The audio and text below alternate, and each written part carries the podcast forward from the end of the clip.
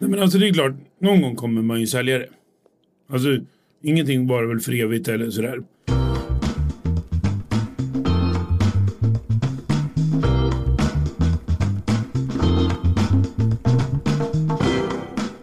Han är Sveriges svar på Amazons Jeff Bezos och han brukar kallas för e-handelskungen. Tidigare har han startat Adlibris, idag driver han nätapoteket Apotea. Och någonting av det han gillar mest, det är att köpa saker av sig själv.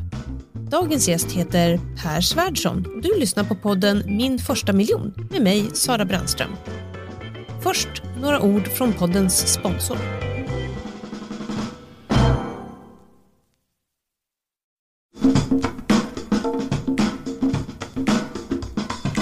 Välkommen hit Per Svärdson. Tack. Du kallas ibland e-handelskungen eh, för du har grundat Adlibris, nätbokhandlaren och eh, det var redan 97 och sen idag river du eh, nätapoteket Apotea och du har en hel del andra mindre e-handelsbolag lite vid sidan av. Men i början av din karriär så var du managementkonsult på det som hette Anderson Consulting som idag heter Accenture. Hur kom det sig att du blev näthandlare? Ja, nej, men jag tror att det fanns liksom någon form av dröm redan långt innan jag blev managementkonsult att starta något eget företag.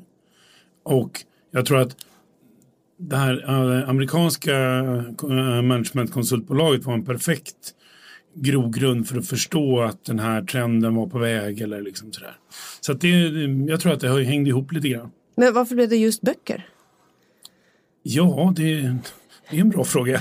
Nej, men, eh, det var absolut inte självklart. Det, det fanns massa olika spår och vi ville verkligen starta ett företag. Så att vi satt och skrev ner listor med företagsidéer och ingen av dem var böcker. Mm. Men sen så kom vi på med att alla de här andra idéerna, men de var, så, ja, men de var verkligen usla. Så att då var det tvungen att poppas upp någon ny idé. Och ur det så så att jag och en kille på Kungsgatan och, och satt och pratade om den här listan med affärsidéer och då eh, så poppade det där upp, ja men kan man inte sälja billiga böcker till studenter? Vi hade ju ganska nyligen varit studenter. Så, så hur länge hade du varit där på Andersson Consulting då, när ni började med det här? Två år. Och du, var, du hade kvar din tjänst där, när, du, när ni startade? Ja, nej, men vi körde eh, första året så jobbade jag fritids, alltså då var jag fritidsbokhandlare och managementkonsult dagtid på något vis. Så att det är då, i och med att eh, Accenture är ett sånt där ställe där de gillar att man jobbar mycket också så blev det ju det blev lite mycket men det gick bra. Men alltså hur var den där första tiden då? Nej men det, jag tror så här att om du startar en ny verksamhet så är det, men det är ju lite som, som man kan tänka sig så här nybyggaranda när de ett nytt land i USA. Eller, ja, men, men det är ju lite så här, det är, du ställs ju inför massa små problem och det är ju väldigt, väldigt roligt. Alltså, på många sätt så är det så här att man, man strävar efter att bygga ett stort företag men det är det lilla företaget som är roligast. Men ni byggde er nätsida själv och det 97 och vi hade liksom en annan teknik då. Minns du de här första kunderna som kom? Ja, men eh, det var faktiskt så här att vi öppnade vi öppnade eh, Adlibris tror jag 23 juli 1997 på sommaren. Och då samtidigt hade vi en middag hemma hos min mamma eh, som bor i Västervik. Eh, så vi satt där, ja, lite så grillfest typ. Så att en gång i halvtimmen så var jag tvungen att liksom springa ner och kolla. Jag hade med mig en stationär dator, en sån här stor klump som jag hade i resväskan. Så koppla upp den och koppla upp sig och då titta om vi hade fått in några ordrar. Och så raskt springa upp till middagsgästerna och rapportera. Vi hade fått in två ordrar. Och... Ja, och hur kände du då? Ja, men det var ju fantastiskt kul. Alltså det är det är verkligen så här, du har hållit på och jobbat ett tag, inte, men det var inte kanske jättelänge. Men ändå hållit på och jobbat med någonting och sen så plötsligt så lyfter det och börjar. Och det är en av de kanske största upplevelserna där i början var, då hade vi bara varit igång kanske så här, två, tre månader så skulle jag åka någonstans och sitter på flyget, sitter och väntar på att flyget ska starta och så sitter två tjejer framför mig på, men på raden framför och diskuterar vilken, vem av Adlibris och Bokus som är den bästa bokhandeln. Och då hade vi bara varit igång i några månader. Och det är ju verkligen så här, då, då blev ju öronen lite större. Liksom. Då man, man bara sitter så här, wow. Men hur mycket hade du sneglat på Amazon vid det här laget när ni började? Uh, ja, alltså vi hade inte sneglat jättemycket. Men jag tror absolut att, jag har inget minne egentligen av att, att det var så här, ah, men vi ska skapa en kopia av Amazon eller vi ska göra en svensk. Eller. Men det, det fanns nog på något sätt med, därför de hade ju startat 95 och börjat liksom ändå bli så här, fått lite artiklar och man har hört talas om.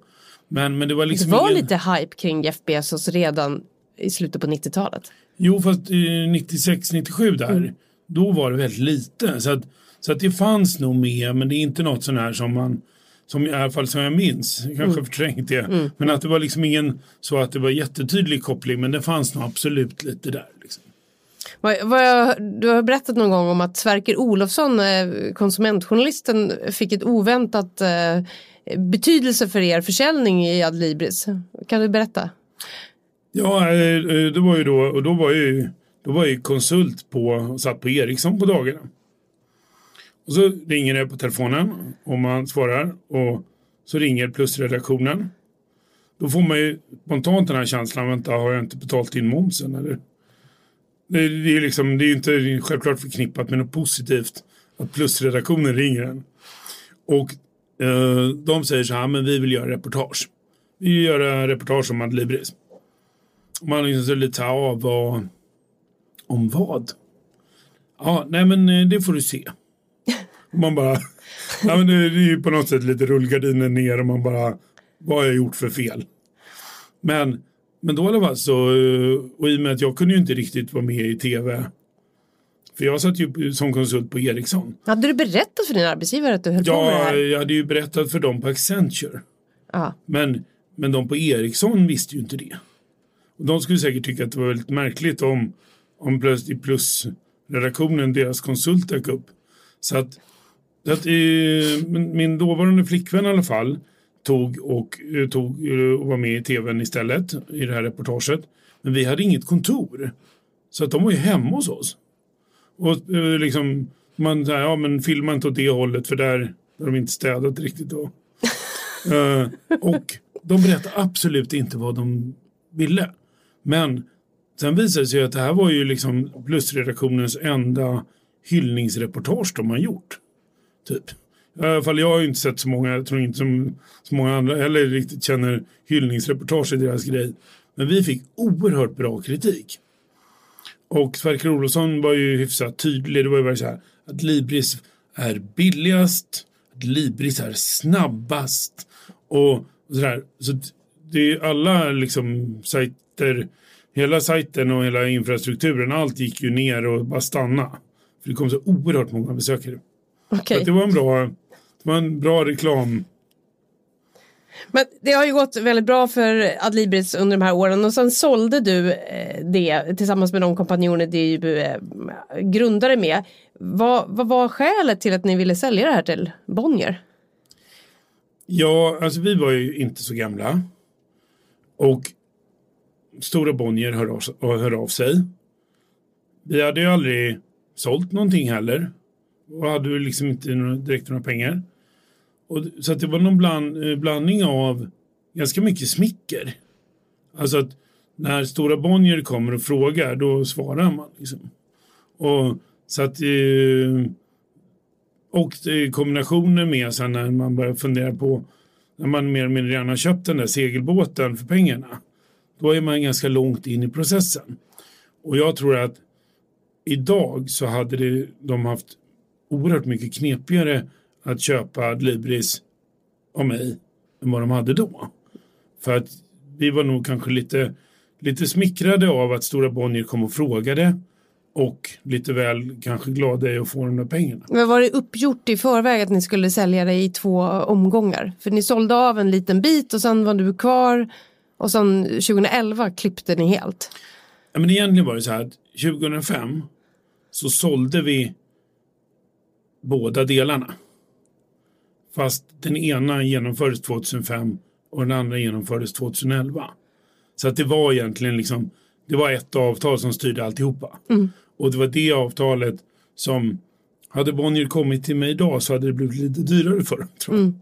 Men eh, sen då när ni hade sålt det här, var det på en gång som du kom på att du skulle driva nätapotek eller varför blev det Apotea sen eh, nästan direkt? Ja, nej, men det, jag kände i alla fall så här, när jag då slutade på, på Adlibris, eh, eller egentligen så här, när jag sålde mina sista aktier, då var det så här, ja men man är kanske, men eh, jag menar, det är på något sätt, man är lite för glad i att vara någon form av egenföretagare. Håll på med det för länge och tycker det är för roligt.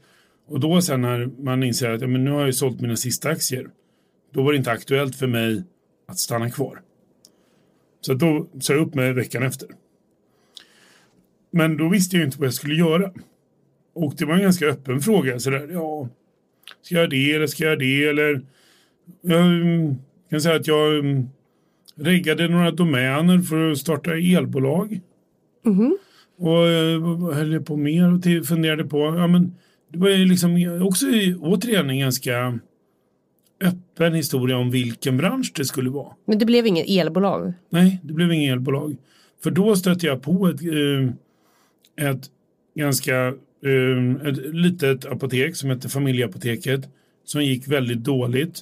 Och det var liksom en, en bransch som vi väl han liksom hade identifierat som att den här vore rolig. Och så fick vi komma och titta på det här apoteket och då kände man så här, ja men det här är ju deras setup och deras liksom lösning på det funkade ju uppenbarligen inte i och med att de förlorade mer än, mer än hela omsättningen. Men, men man kände, det här är, här skulle man kunna göra någonting. Men vad var det som fick dig att våga det då? Eftersom det ändå inte såg så bra ut siffermässigt. Ja, Men ja, jag tänkte inte så mycket kanske på, på vad som kunde gå fel. Nej men, nej men det är klart att det är ju absolut, det, är, det gick ju två miljoner back i månaden. Och ta över det och liksom plötsligt bli ägare till något som förlorar två miljoner i månaden. Det är ju lite läskigt, absolut. Men vi tittade och så kände vi så här, men vi kommer, vi kommer kunna få ner de här förlusterna och det, det kommer lösa sig. Mm. Var det delvis samma personer som du hade jobbat med i Adlibris som var med dig på det här? Ja, eh, både och. eh, Delvis var det absolut samma. Det är en herre som heter Fabian Fischer som var med och grundade Adlibris, var även med i, i Apotea där. Och sen så var det egentligen två eh, stycken som var med som första anställda. Första och andra anställda på Adlibris. Och en till. Så vi var liksom ett, eller två till. Så vi var sex personer från Adlibris som, som tog över och så kände man så här att ja, men, Även om det är lite läskigt så där kommer vi då ihop. Men det är klart att lite obehagligt, lite utanför komfortzonen är det absolut. Och, Vad vad är det som får dig att våga då? då? ja, Eller liksom att tro på att det här kommer ändå kunna bli någonting bra. men jag tror så här. Jag har nog själv, tillräckligt mycket självförtroende för att ty- tycka att ja, men det här kommer lösa sig. Och kanske ibland inte funderar så mycket på vad som skulle hända om det inte gick. Men samtidigt med det vill jag nog säga att jag är inte speciellt riskbenägen. Jag är lite liksom feg sådär. Så att det är liksom lite lagom farligt. Men det är liksom, jag är ju inte den där som ställer mig högst upp på klippan och hoppar liksom. Okej. Ehm, men sen, eh, både Adlibris har ju då lager i, i Morgongåva i Heby kommun, inte så långt från Uppsala. Hur kommer det sig att det är precis här som ni bestämmer att ni ska fortsätta ha verksamhet? Ja, men det är ett så fint namn. Ja men det måste ju finnas något skäl till att det, det blev det här orten. Jo, nej, men alltså när vi började med Adlibris så var det så att det fanns en bokgrossist. Sveriges största bokgrossist låg i Morgongåva. Och det är alltså eh, utanför Uppsala, liksom eh, tio mil från Stockholm. Och då tyckte vi så här att jo, men det är klart att det är jätte, jättebra att vara nära den här bokgrossisten och vi samarbetade med bokgrossisten och sådär. Men sen så har så visade det sig också att Anders Wall, den här gamla finansmannen och en superentreprenören, han drev företagsparken i Morgongåva. Så det var han som blev vår hyresvärd. Ah, okay. Och så att egentligen när vi väl kom igång där så insåg vi att det är egentligen väldigt nära till Stockholm. Det är inte lika överhettad arbetsmarknad som i Stockholm. Vi har en superentreprenör eh, som hyresvärd och vi hade böckerna nära. Och sen när vi sen började med Apotea då var inte böckerna nära för de hade flyttat. Men vi hade, då hade vi Adlibris nära. Mm. Och vi hade fortfarande samma superkommun eller sådär. Men är det liksom, e-handeln handlar väldigt mycket om logistik och kan man ha någon hjälp med varandra om man klustrar e-handelslager på ett och samma ställe? Jo men det är klart att både ur ett hållbarhetsperspektiv men också ur kostnadsperspektiv så är det jätte, jättebra. Drar ni fortfarande nytta av varann på något absolut. vis? Absolut. Mm. Nej men därför att om, om man tänker sig att Schenker ska komma och hämta paket hos oss så hämtar de också hos Adlibris och då blir ju lastbilen dubbelt så mycket paket i. Och då sparar man miljön och man sparar pengar.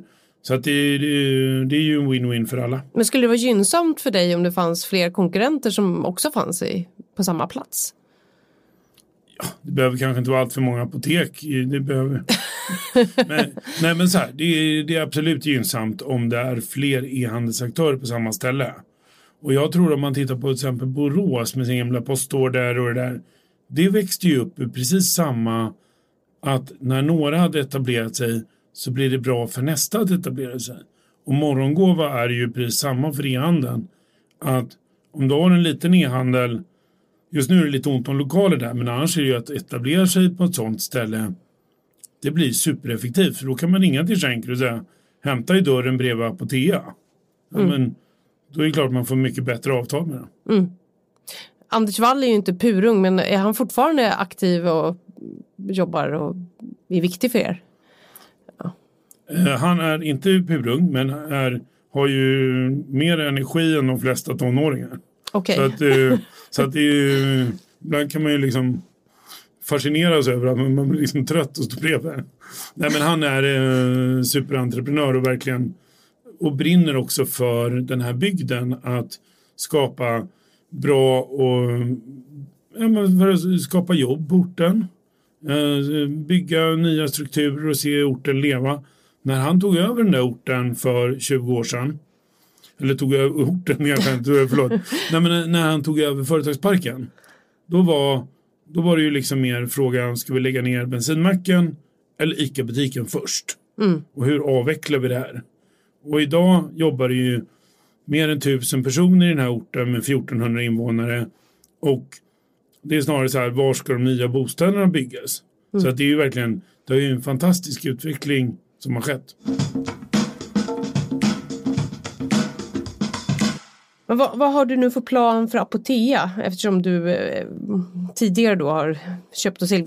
Du har ju haft eh, Adnature och det är lite, finns det lite andra bolag också bakom. Men, men är det så här att du också på sikt då tänker att nu säljer jag det här och så börjar det på ny kula? Är det så du funkar? Nej, men alltså det är klart, någon gång kommer man ju sälja det. Alltså ingenting bara väl för evigt eller sådär. Men eh, det finns, jag har aldrig haft någon plan på att jag ska sälja någonting. Men, eh, men det, någon gång kommer man göra det. Men det, det är inte så att vi har från början så här, men vi vi driver det här företaget i tre år och sen säljer vi eller vi driver det i fem år. Eller, mm. Utan det är så här, vi vill jag vill bygga någonting som jag är stolt över, som jag tycker är roligt att jobba med och som är, liksom, är kul. Mm. Och sen så löser det sig på något sätt den dagen, den dagen, den sorgen på något vis. Och jag tror att det är också så här att om man går och om man går varje dag och funderar på hur man ska bli av med det, då kommer det inte bli något bra. Men men däremot om man går och, och funderar varje dag på hur man ska göra no bygga någonting som man är stolt över, som fungerar, som är lönsamt, som växer. Då kommer ju investerarna stå där den dagen man... Vi har nog fått ganska många förfrågningar genom åren. Okej. Okay. I e-handeln så pratar man ju väldigt mycket om, alltså det är ett stark e-handelstillväxt, det, det är där tillväxten finns i handeln. Butiksdöden ja, pratar man om som ett begrepp eftersom butikerna tappar. Eh, och så har vi då Amazon och Alibaba som är dominanter i världen. Så här, hur hotad känner du dig av Amazon? Nej, det är inte så att jag är vaken på nätterna för det. Men, nej, men det är så här, Amazon är ju fantastiskt duktiga. De är i, framförallt i USA. Eh, och Sverige är ett väldigt, väldigt litet land.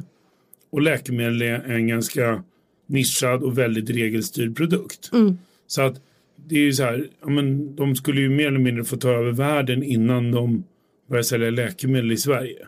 Att Amazon skulle registreras som, som apotek i Sverige känns kanske så här ganska långsökt. Mm. Så att jag är inte så orolig. Men vad, om man tänkte lite bredare, du är ju ofta som en slags eh, talesperson för hela e-handelsbranschen med din erfarenhet och så. Men, men man ser eh, Amazon ändå som en, en jätte som ritar om kartan. Eh, ser, ser du på sikt att de kommer komma hit överhuvudtaget? Det, är väl så här, det finns ju ganska många länder som rent populationsmässigt är större än Sverige. Eller det finns väl egentligen ganska få som är mindre. Så att det är klart att man kan ju tänka sig att om man satt på Amazons huvudkontor så skulle man fundera på så här. Okej, ska vi gå in i, i Holland eller ska vi gå in i Sverige? Mm. Och då är det så här, men Holland har fler människor än Sverige. Ja, men då borde man kanske ta ett hög, hög land med väldigt hög population per ytenhet snarare än, än liksom Norrlands inland. Och så. Mm, mm. Så att, men, men sen så tror jag så här, jag tror att de kommer ganska snart öppna en svensk sajt. Men den kommer ju skicka varorna från Tyskland. Och det kan du jag menar, du kan ju gå in på Amazon vilken dag som helst Mm. och handla från Tyskland. Men det är lite lättare, det blir lite smidigare om man har en svensk sajt med svenska betallösningar och sådär. Mm. Och det verkar ju inte, det verkar ju snarast dumt om de inte skulle göra. Mm. Men, men att de skulle bygga ett enormt lager i Sverige tror jag är ganska långt bort. Men Vad tror du om den svenska e-handeln och det här å andra sidan butiksdöden? Nej, men om du tittar på böcker, som jag ju ändå hållit på med ett tag, så är det så här att 50% av alla böcker säljs via internet. Typ mer eller mindre alla bokkedjor som fanns är borta. Det är en kvar, det är Akademibokhandeln. Några fristående, resten går via internet. Tittar man på det scenariot och så tittar man på apoteksbranschen så är det klart att man kan säga så här. Den ser ju inte jätteljus ut för de här apotekskedjorna på stan. Men om det skulle vara samma liksom, utveckling då är det ju så här, det är ju bara att ta de här fem, sex kedjorna och säga okej, vilken en av dem kommer bli kvar? Nej, vilken? Och det är klart att då kommer det ju bli en del utslagning och det kommer bli stora strukturförändringar. Och tittar man på, jag menar, det är, det är ju nästan alla de här klädkedjorna som man pratar om så är det så här att de säger, ena dagen säger de att de har lite problem, andra dagen säger de att, de, att det går fantastiskt och, och nu öppnar vi massa nya butiker och sådär. Men sanningen är ju att alla har rejält stora problem och det på något sätt lyser det ju igenom lite här och var. Och plötsligt så slår de igen. Den här podden heter ju Min första miljon. Minns du när du hade fått ihop den här första miljonen? Ja, nej, men jag tror så här, det dröjde nog inte jättelång tid kanske efter vi startade Adlibris. Där värdet på de här aktierna som jag hade kanske uppgick till en miljon. Men det blir ju ganska teoretiserat därför att det var ju ingen som ville köpa dem. Och hade jag sålt dem så hade jag ju inte haft något jobb. Och vad skulle jag gjort då? Eller, Det var inget som kändes då särskilt? Nej men det är, ju, det är ju om du säger att du startar ett företag och har aktier och de blir mer och mer värdefulla och sådär. Det är inget riktigt man kan köpa makaroner för. Det är ju en viss skillnad med om det liksom om man har en stor bunt med pengar.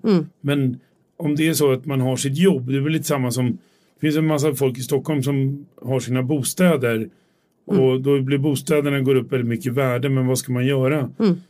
Ska du flytta till flytta någon annanstans? Det är ju enda sättet att få ut pengarna. Men när du, när du väl sålde så fick du lite pengar. Men vad betyder pengar för dig? Ja, men jag tror att det är, det är så här. Om man inte har några pengar så är det ju oerhört viktigt.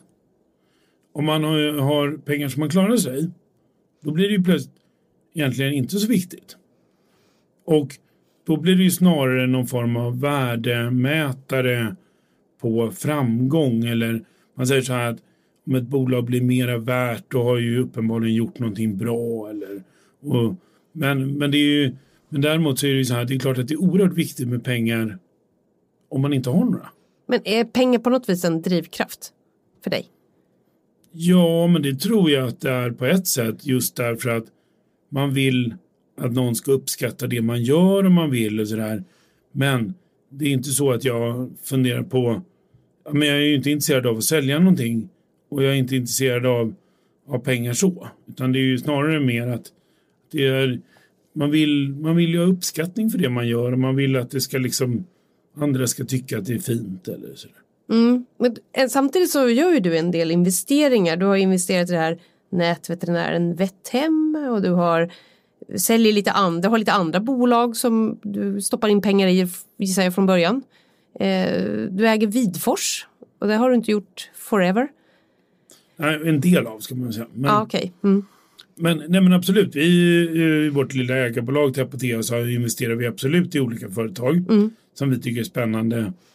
Men jag tror att det är kanske egentligen mer för att vi tycker att det är roliga och bra affärsidéer snarare än att det är ja, vi har räknat jättemycket på hur mycket avkastning vi ska få eller Alltså, så att det är inte pengar, där är, det, där är absolut inte pengarna. Nej. Utan där är det verkligen att vi tycker det är roligt att vara med och skapa någonting som man kan känna, men det här är jag stolt över, det här tycker jag är roligt. Eller.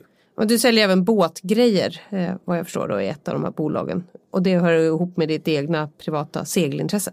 Ja, nej, men vi brukar skoja om att man vill ju inte handla av någon annan. Okej. Okay. Så att det är lite...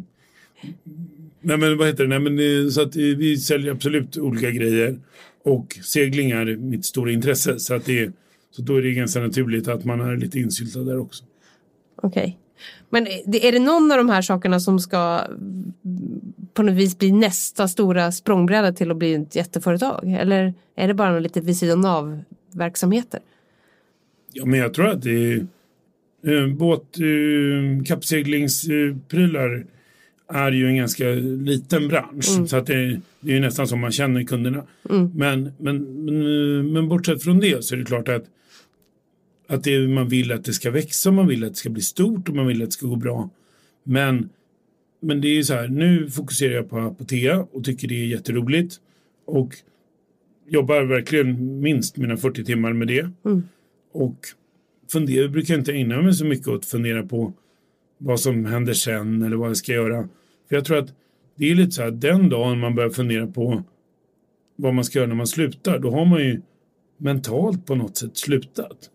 Och då, då är det väl dags att sluta. Mm. Men hur ofta är det folk som kommer med idéer som vill pitcha in och få lite pengar då? Till sina företag? Ja, men det kan nog hända att eh, folk kommer att tycka att man ska vara med och investera i saker och sådär. Mm. Problemet är väl lite att ett, jag tycker det är väldigt roligt att hänga på så, mm. sådana mm. grejer. Mm. Men ibland kan tiden vara lite knepig. Om man då har ett heltidsjobb och några andra olika verksamheter så brukar mina kollegor säga verkligen tydligt och min familj att nej. du hinner inte med fler företag. Ja, men då måste någon ut om mm. någon ska in. Eller mm, liksom mm. Men vilka får dina pengar då? Där eh, får och får. Ja, nej, men alltså vilka får de och vad är nej, det? Men det som lockar mig med liksom företagare eller företagsamhet eller entreprenörer det är ju när personerna brinner för det de gör. Alltså, jag tror att det är liksom inte, det finns det här med bra affärsidéer i all ära, men det är ju personerna som är helt avgörande för om det fungerar. Mm. Så att om det är någon som brinner för sin idé och kämpar och sådär, då har man kommit väldigt, väldigt långt. Mm. Om man tittar på både Adelibris och Apotea i backspegeln så ser det ut som att det bara gått spikrakt uppåt och så här. Men har du någon gång varit i en position eller i en situation där det har känt att nej, nu går det åt skogen? Nej, men i, i, lite i början på Adlibris så där egentligen runt år 2000 som var det enda året då jag var med i alla fall som det var, inte var lönsamt. Då byggde vi om logistiken ganska mycket och tänkte inte riktigt på konsekvenserna. av hur det skulle påverka kostnader och sådär. Mm. Så att det var liksom ett ganska tufft. Nu var det inte så att vi trodde det skulle gå åt skogen, det trodde vi kanske inte, men det var ändå absolut en så en, ja, men en liten ögonöppnare med att ja, men man ska nog, man måste ha stenkoll på sin ekonomi och man måste förstå vad små åtgärder man gör, vad de får för konsekvenser. Mm. Och det hade vi nog inte riktigt tänkt, men efteråt så har vi inte gjort det felet igen. Nej, men vad gör du då när det känns så här jobbigt? Ja, men jag kan nog bara bli ganska lösningsfokuserad. Alltså, ja, men, ta, beta av prylarna. Jag tror jag, ja, men jag är nog en ganska bra person i den situationen. För jag blir väldigt fokuserad och, och liksom gör rätt saker tror jag. Mm. Om du skulle ge de som lyssnar tre tips eh, på hur man ska skapa ett bolag med framgång, hur låter de? Ja, men jag tror man ska ha en hyfsad affärsidé. Alltså, eh, och med hyfsad affärsidé menar jag att jag tror inte man ska vänta på någon sån här någon ultimata eller hit och dit och super. Utan hitta någonting som man tror på hyfsat. Gärna i någonting som växer. Att om man tar en bransch som alla runt omkring säger det här kommer växa. Då räcker det ju med att vara någon sån här medelmåtta så kommer man ju kommer ens företag växa. Om man ger sig in i en bransch som minskar då får man ju vara rejält duktig för att växa i den branschen. Liksom. Uh, nästa är ju absolut att starta företaget. Alltså ja, men, släppa det här lite klyschan med släppa sargen eller men att man kör igång. För att, och sen så tror jag också att jobba hårt.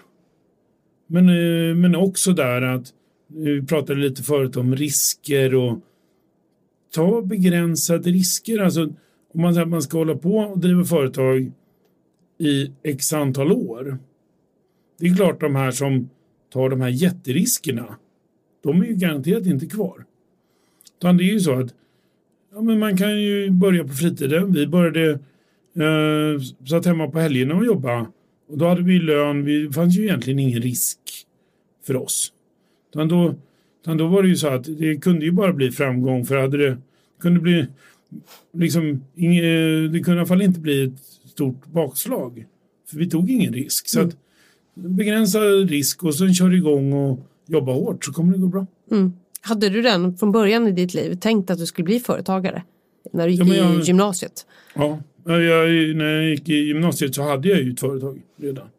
Så att jag startade mitt första företag när jag var 16. Så att, uh, nej, men jag har nog alltid tyckt att... Och vad hette det? Och vad gjorde det? Ja, det hette Svärdson Management Capital.